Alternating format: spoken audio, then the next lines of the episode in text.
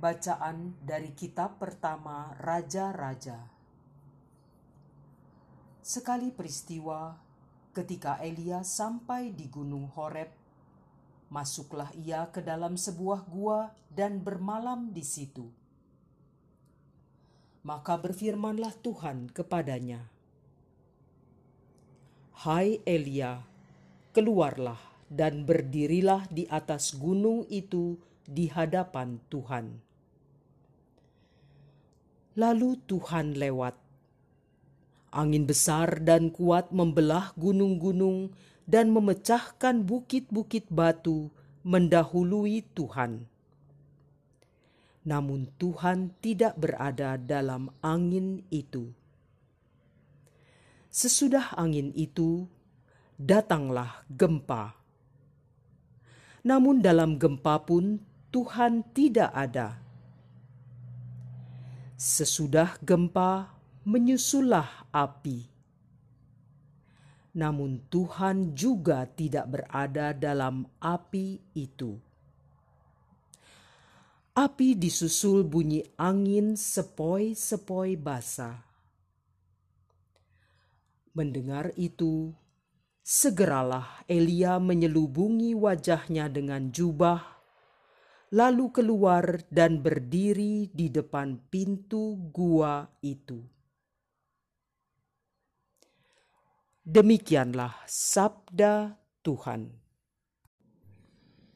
Perlihatkanlah kepada kami kasih setiamu ya Tuhan, dan berilah kami keselamatan yang daripadamu.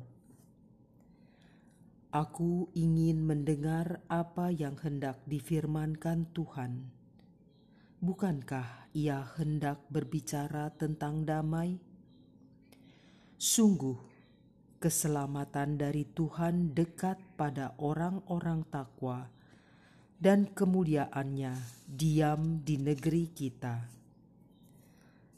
Perlihatkanlah kepada kami kasih setiamu ya Tuhan, dan berilah kami keselamatan yang daripadamu kasih dan kesetiaan akan bertemu, keadilan dan damai sejahtera akan berpelukan. Kesetiaan akan tumbuh dari bumi, dan keadilan akan merunduk dari langit. Perlihatkanlah kepada kami kasih setiamu, ya Tuhan, dan berilah kami keselamatan yang daripadamu. Tuhan sendiri akan memberikan kesejahteraan, dan negeri kita akan memberikan hasil. Keadilan akan berjalan di hadapannya, dan damai akan menyusul di belakangnya. Perlihatkanlah kepada kami kasih setiamu ya Tuhan, dan berilah kami keselamatan yang daripadamu. Bacaan dari surat Rasul Paulus kepada jemaat di Roma. Saudara-saudara, demi Kristus aku mengatakan kebenaran. Aku tidak berdusta. Suara hatiku turut bersaksi dalam Roh Kudus bahwa aku sangat berduka cita dan selalu bersedih hati. Bahkan aku rela terkutuk dan terpisah dari Kristus demi saudara-saudaraku, kaum sebangsaku menurut daging. Sebab mereka adalah orang Israel. Mereka telah diangkat menjadi anak Allah, telah menerima kemuliaan dan perjanjian-perjanjian, dan hukum Taurat, ibadat, serta janji-janji. Mereka itu keturunan bapa-bapa leluhur yang menurunkan Mesias sebagai manusia yang mengatasi segala sesuatu. Dialah Allah yang harus dipuji selama-lamanya. Amin. Demikianlah sabda Tuhan. Inilah Injil Yesus Kristus menurut Matius.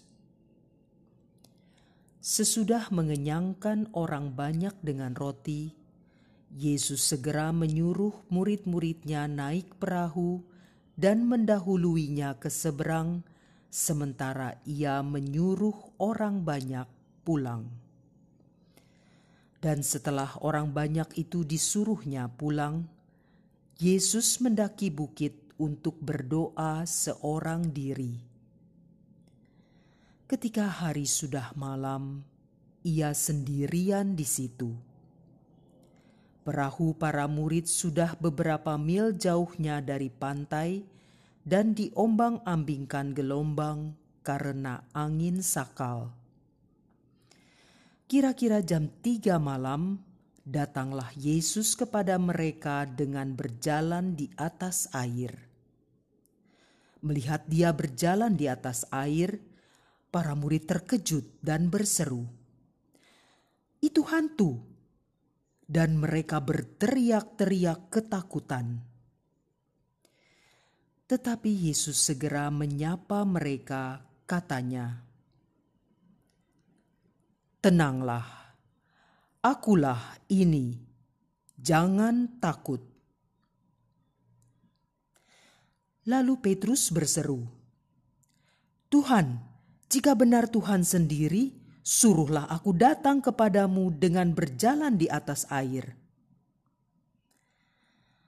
Kata Yesus, "Datanglah."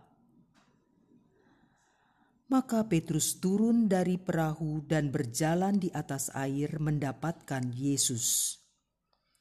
Tetapi ketika dirasakannya tiupan angin kencang, Petrus menjadi takut dan mulai tenggelam lalu berteriak, Tuhan, tolonglah aku.